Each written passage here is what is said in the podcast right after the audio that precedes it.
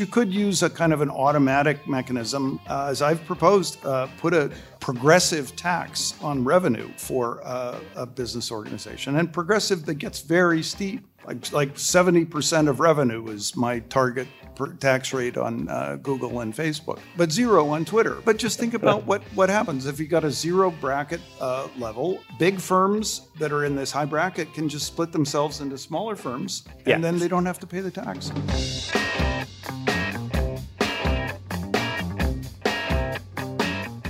ברוכים הבאים למרקרים, פודקאסט סוף השבוע של דה מרקר. ההזדמנות שלכם לקחת פסק זמן ממחזור החדשות היומיומי ולצלול איתנו לאירועים, לאנשים ובעיקר לרעיונות שמאחורי החדשות. כאן באולפן איתכם כבדי שבוע, גיא רולניק, והפעם אני לבד, ענת יצא לחופשה קצרה ותשוב בשבוע הבא. שמענו בפתיח את חתן פרס נובל לכלכלה לשנת 2018, פול רומר, בביקור שלו בישראל בשבוע שעבר.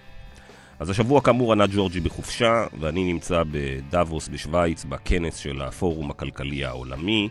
אולי בשבוע הבא בפודקאסט נעדכן קצת ממה שהתרחש כאן. אבל בטרם פול רומר עזב את ישראל בשבוע שעבר, הוא הסכים להתראיין לפודקאסט הזה. רומר, אחד הכלכלנים החשובים ביותר בעולם, הגיע לישראל כאורח של אוניברסיטת תל אביב. באוניברסיטה ביקשו מאיתנו לשוחח איתו על במה באירוע לכבודו, שיחה שהוקלטה לפודקאסט הזה. ואגב, אם כבר מדברים על הפודקאסט, זאת הזדמנות להודות לכם, המאזינים הקבועים שלנו. אני יודע שיש אלפי פודקאסטים מרתקים על הכלכלה, שאפשר בלחיצת כפתור להגיע אליהם, כך שהתחרות על הזמן היקר שלכם היא קשה. אנחנו עדיין לא חוגגים שנתיים לפודקאסט הזה, אבל כבר חצינו מזמן את מיליון האזנות, בדרך לשני מיליון, ומה שיותר חשוב הוא שרוב המאזינים של הפודקאסט הזה הינם קבועים, מצטרפים אלינו כל שבוע לשמוע. אז תודה לכם. אם יש לכם הערות, מחשבות ובקשות, ענת ואני נשמח לשמוע. אתם מוזמנים לכתוב לנו, גיא.רולניק את TheMarker.com או ענת ג'ורג'י את TheMarker.com. ועכשיו לאורח שלי אה, השבוע. אז פול רומר בן 66 קיבל את אה, הנובל בכלכלה. אגב, הנובל בכלכלה הוא לא כמו שאר פרסי הנובל, הוא מוענק על ידי הבנק המרכזי של שוודיה. אולי יום אחד נדבר בנפרד על ההבדל בין כלכלה לשאר הדיסציפלינות. אבל הנובל הזה בשדה הכלכלה הוא הפרס היוקרתי ביותר. רומר קיבל אותו על עבודתו בתחום הצמיחה, מה מביא לצמיחה. אבל כמו שפעמים רבות קורה עם חתני פרס נובל, לאחר שהם מקבלים אותו, הם כבר מרגישים בטוחים הרבה יותר להתבטא בנושאים שעומדים על הפרק ולא רק על המחקרים שלהם. והסיפור המעניין עם רומר הוא שבשנים האחרונות הוא אומר פחות או יותר, טעיתי, שיניתי את דעתי ב-180 מעלות. הטעות המרכזית אליה מתייחס רומר היא שהוא לא נתן מספיק תשומת לב ומשקל לתפקיד הממשלה בקידום הכלכלה בכלל וצמיחה בפרט. רומר זכה לפרסום עצום בשנות ה-90 עם תיאוריות הצמיחה שלו, הוא מספר שאז הוא היה כמו גיבור, הכלכלן הגיבור של הסיליקון וואלי, של אנשי ההייטק. ברעיונות בשנים האחרונות הוא מספר שבאותם שנים הוא הרחיק את עצמו בצורה מכוונת מאנשים שניסו להשתמש בתיאוריית הצמיחה שלו כדי להסביר שלממשלה יש תפקיד חשוב בקידום צמיחה. הוא משתמש במילה להרחיק את עצמו, to distance myself, וזה מעניין, כי הוא בעצם מודה שעד לפני כמה שנים רבים מהכלכלנים, בעיקר בארצות הברית, אולי גם בישראל, פחדו מאוד שיתייגו אותם כשמאלנים בהיבט הכלכלי, כלומר כאלה שחושבים שהשוק זקוק למעורבות ממשלתית. אבל רומר הלך הרבה יותר רחוק. הוא טוען שלממשלה יש תפקיד קריטי לא רק בעידוד צמיחה, אלא תפקיד חשוב במיוחד בריסון תאגידים שגורמים נזק. אבל בואו לא נאריך אה, ונשמע עכשיו את רומר. מדי פעם אני אתערב אה, ואנסה להוסיף כאן אה, קונטקסט. אז את השאלה והתשובה הראשונה לא שמעו טוב בגלל בעיה טכנית באולם בו זה הוקלט, מיד לאחר מכן זה השתפר. רומר דיבר על ההצלחה האדירה של המעורבות של הממשלה לפני 30 שנה ברגולציה של תעשיות שגרמו נזק לשכבת האוזון. כשהוא אומר, מיד תשמעו, CFCs, הוא מתכוון לכימיקלים שפוגעים בשכבת האוזון. כזכור הייתה רגולציה כבדה על הייצור שלהם, למעשה אסרו על ייצורם, וזה די פתר את הבעיה. אנחנו כבר לא שומעים שנים על החור באוזון, תודות לרגולציה. אז בואו נשמע.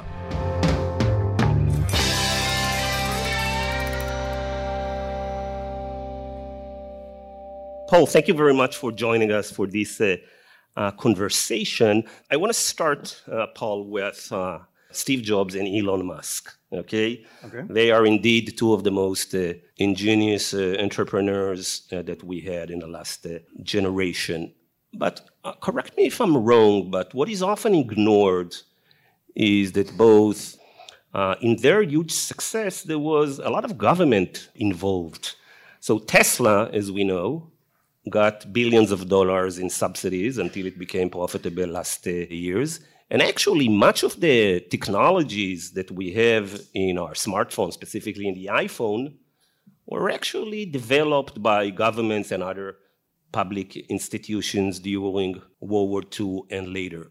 So the question is when we talk about this tension between government and markets, and later we're going to talk about regulation, actually, this is not really a tension, but we underappreciate the role that government or collective action has actually in advancing not only our societies, but also growth, innovation, and technology. I'm, you know, much more focused on this kind of dual role. When I when I'm pushed, like, what does it take to make progress? These days, I tell people you need an innovative, dynamic private sector, and you need a government which is strong enough to say no.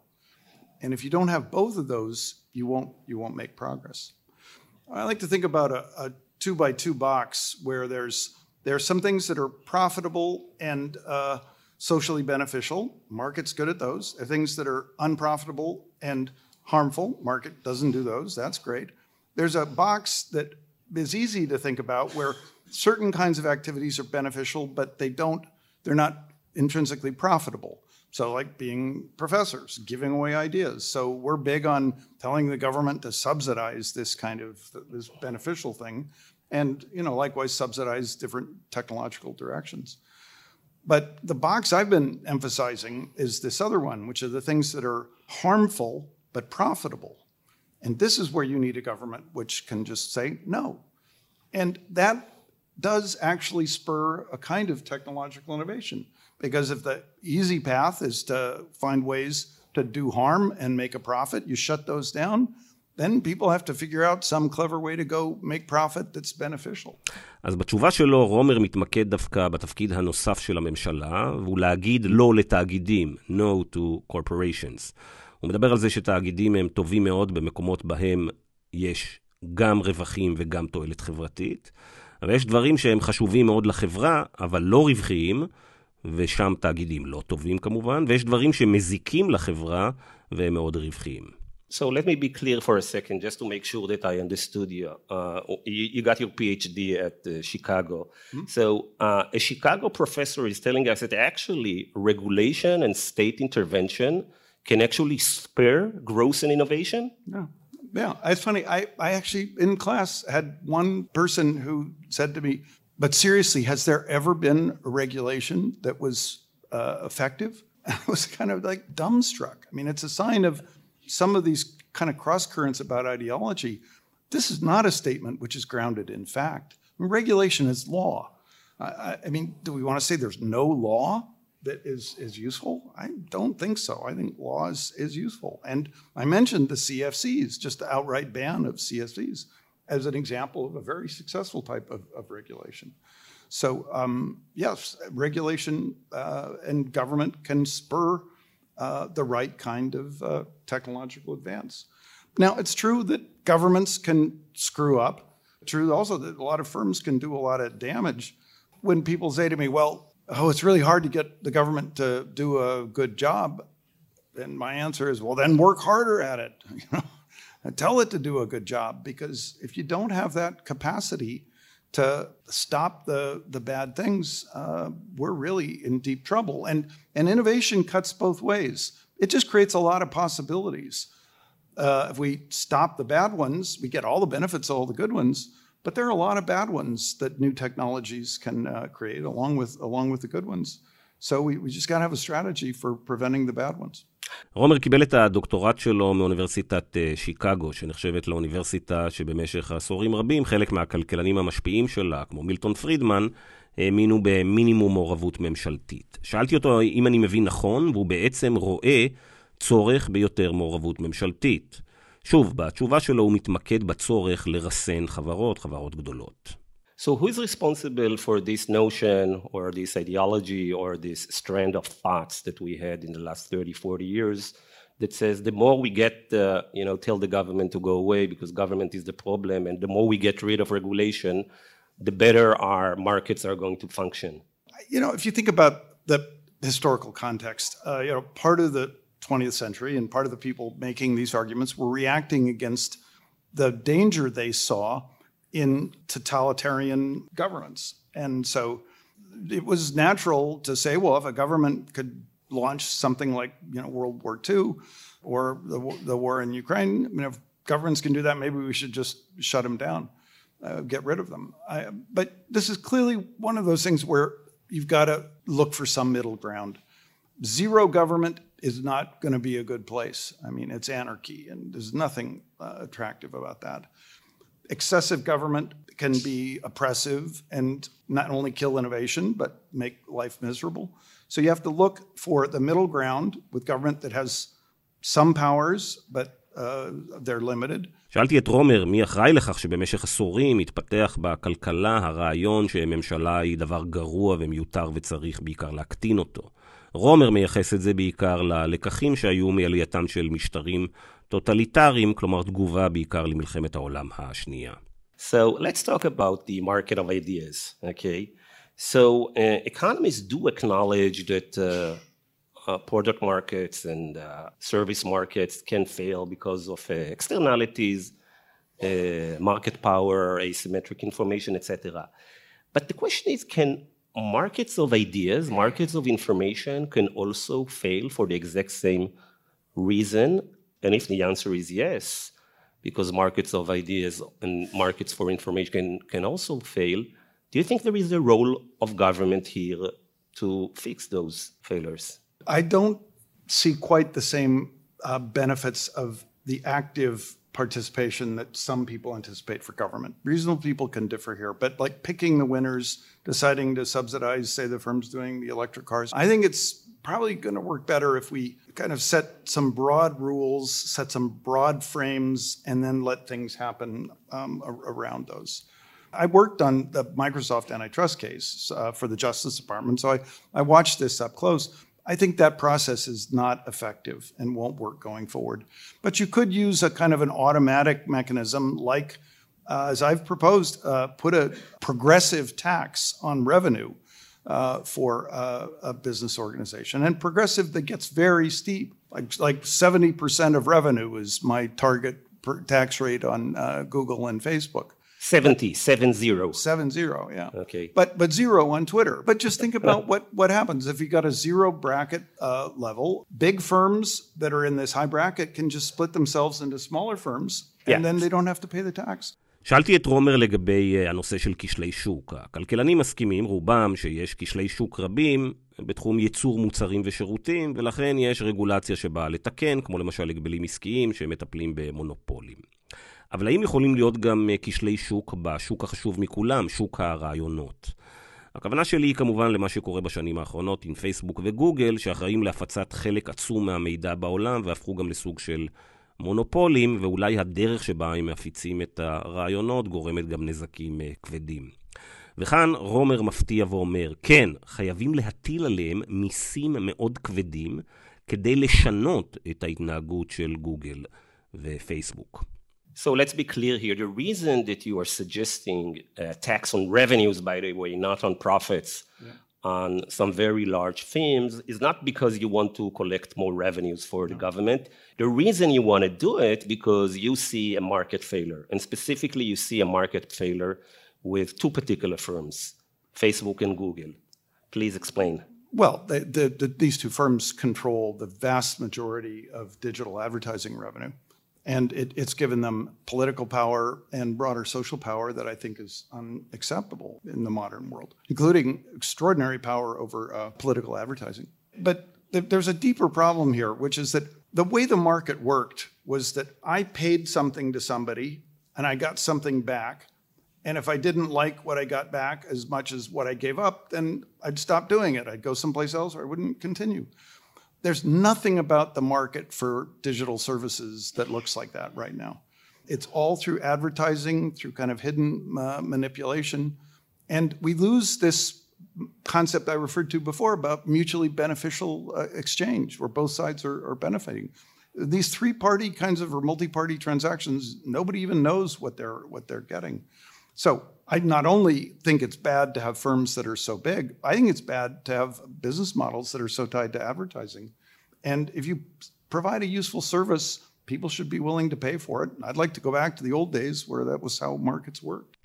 לרומר יש הצעה להטיל מס על גוגל ופייסבוק, אבל על ההכנסות שלהם. הוא מסביר שמס על רווחים, שמדובר בחברות רב-לאומיות, זה כבר אות מתה, בגלל שחברות יודעות לעקוף את זה. הוא רוצה להטיל מס על הפרסום, על הפרסום המתורגת, על זה שלכל משתמש מקבל מסרים אחרים. וזאת פעילות שלדעתו אחראית להפצה של פייק ניוז והפצה של אינפורמציה שקרית ומסוכנת לדמוקרטיה. שימו לב, רומר פחות מוטרד מהפן הכלכלי של המונופול של פייסבוק וגוגל, הוא בעיקר מוטרד מההשלכות הפוליטיות של השליטה שלהם בעולם המידע והקשר של זה לפוליטיקה. הוא ממש מדבר על כרסום ביסודות הדמוקרטיה. So we've had for many years uh, marketplaces and platforms that have two-sided markets like uh, Google and Facebook before, like credit card companies. But this one is different, uh, the, the platforms of Facebook and Google. And particularly one of the reasons, first they are too big, and we'll talk about it, but here is a reason that actually we are being surveilled and we are manipulated and actually we don't know what's happening. We don't know what is our part. We are the product in in uh, many ways and it has to do a lot with the fact that this is an advertising that is very targeted. Yeah, I've been saying that you know these two companies know more about me than the Stasi knew about people in East Germany. But I've realized that young people who are on social media they don't know what Stasi they don't know is. what the Stasi is. Yeah. So I, have got to find another way to say that. Just say they know more about me than my spouse. People will understand that. Okay. עומר מדבר על זה שהחברות האלה, גוגל ופייסבוק, יודעות עלינו יותר מהשטאזי, אבל מיד מוסיף שרוב הסטודנטים שלו לא יודעים בכלל מי זה השטאזי. זאת כמובן המשטרה החשאית של מזרח אה, גרמניה לפני נפילת אה, חומת אה, ברלין ב-89.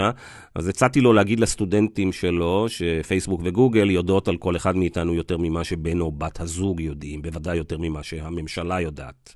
You took a step further, and actually, uh, you recently said time and again that uh, Facebook and uh, Google, the digital platforms, are so powerful that they undermined the principle of the rule of law. Okay, so let's assume that we have here the CEOs of uh, Google and Facebook. Please, can you enlighten them? How do they undermine democracy? Let's go back to Elon Musk. Okay. Uh, right now, uh, one of the big open questions is will there be security laws in the United States for most people, but not for Elon? Or are security laws going to just die? So uh, when you're powerful enough to just flaunt the law, you do.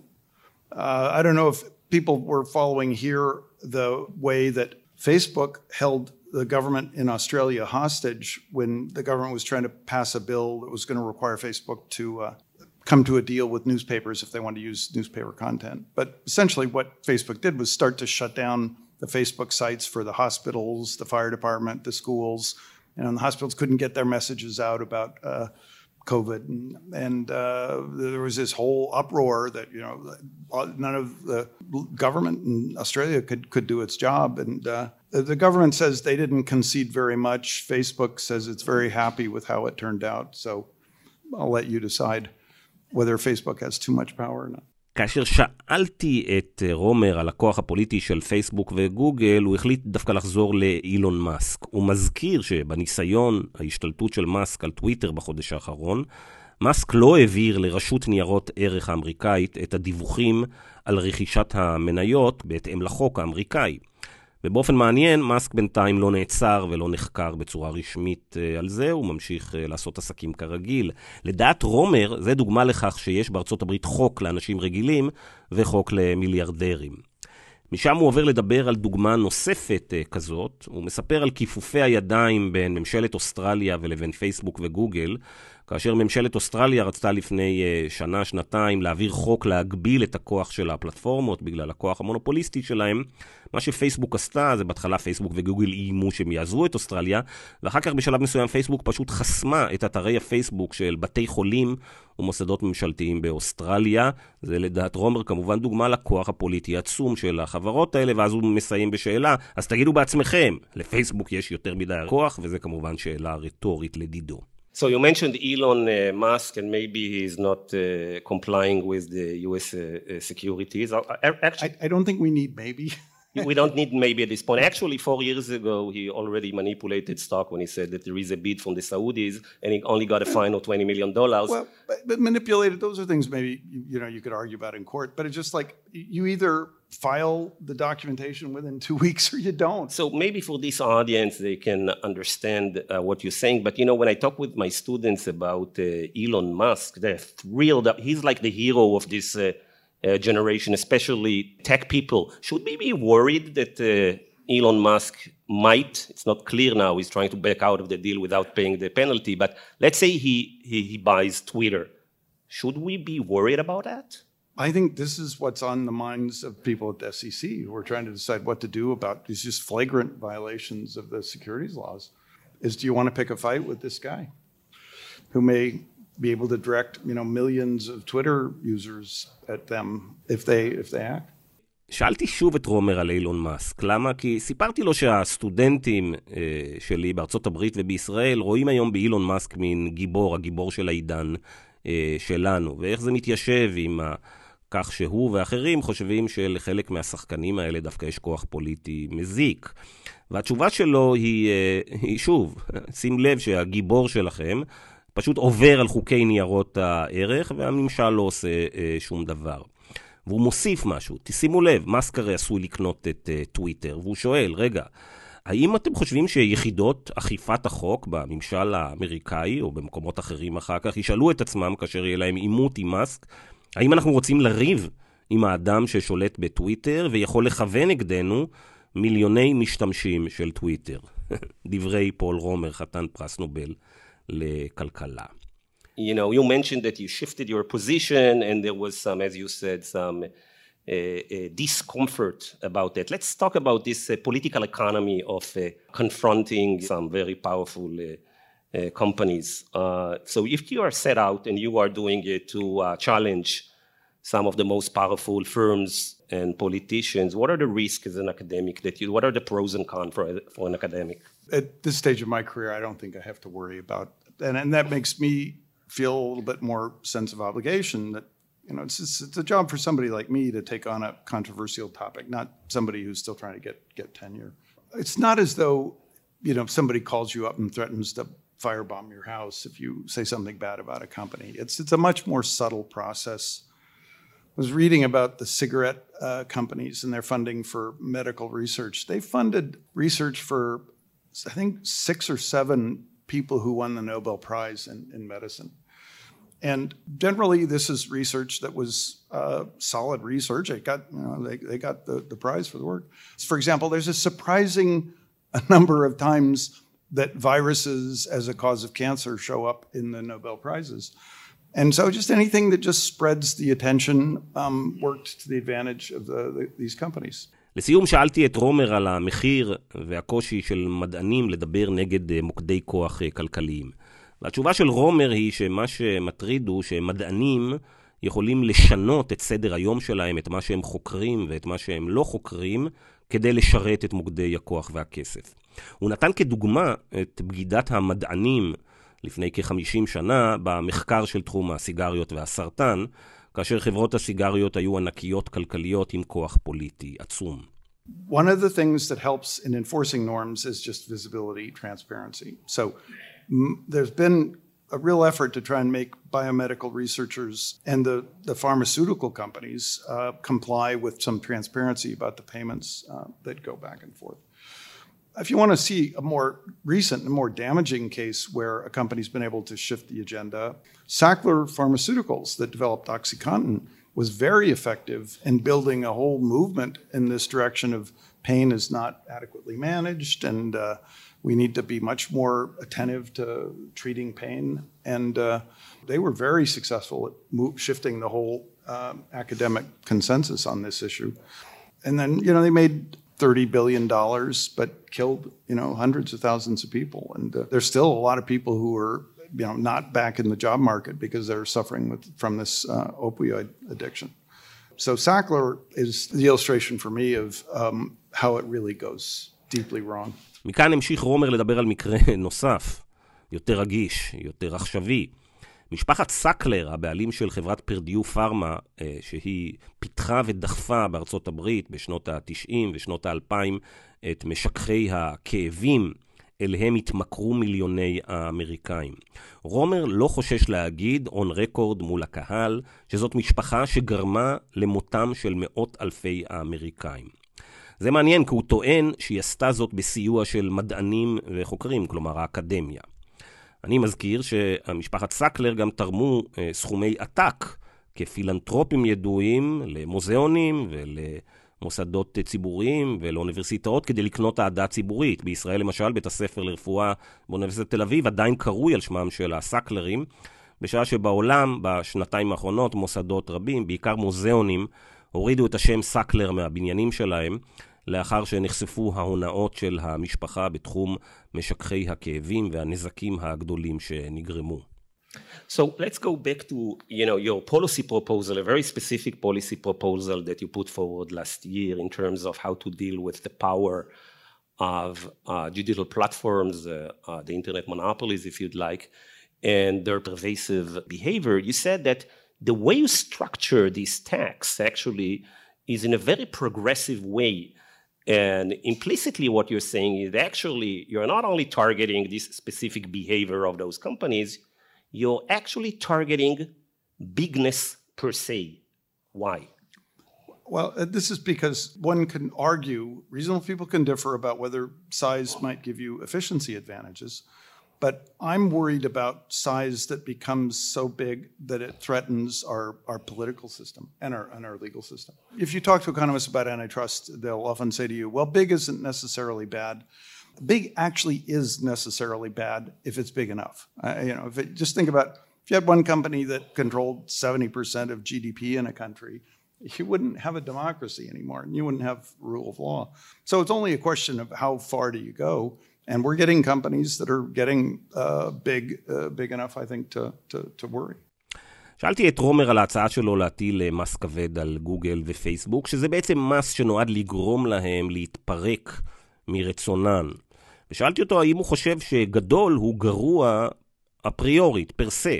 והתשובה שלו מפתיעה, הוא אומר, כן, גדול זה גרוע, זה מאיים על דמוקרטיה.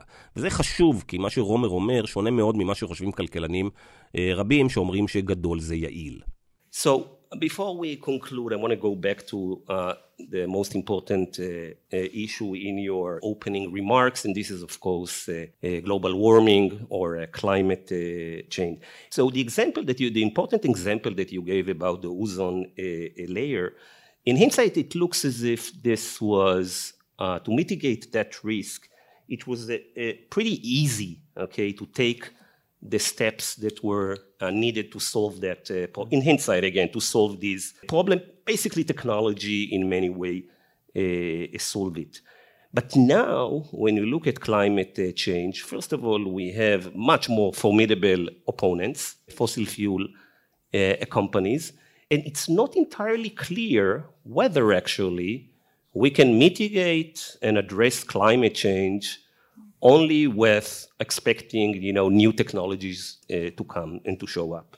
Every single time that people have made a forecast about how hard it would be to find a technological a new technology that solves some problem every single time they vastly overestimated how hard it would be.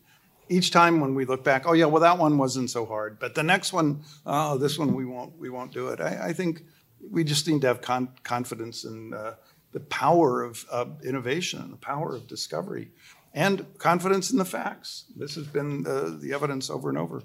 So I, I I'm quite certain that we'll look back and say global warming was not that hard to address once we actually created uh, the incentives to, to solve it. כאן רומר מביע דעה שחלק מהתאגידים דווקא יאהבו. טכנולוגיה יכולה לפתור את הבעיה של שינוי אקלים ואת רוב בעיות הסביבה.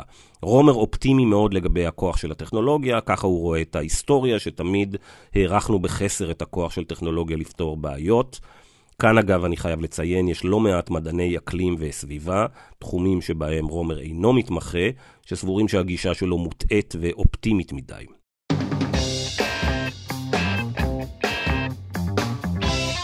עד כאן הריאיון עם פול אה, רומר. אז אם אהבתם את הפודקאסט כרגיל, אל תשכחו להירשם בחנויות הפודקאסטים של אפל, ספוטיפיי וגוגל. תודה רבה לצוות שלנו, לדן ברומר העורך, לאמיר פקטור המפיק, ונתראה כאן כרגיל בשבוע הבא עם ענת ג'ורג'י ואיתי. להתראות.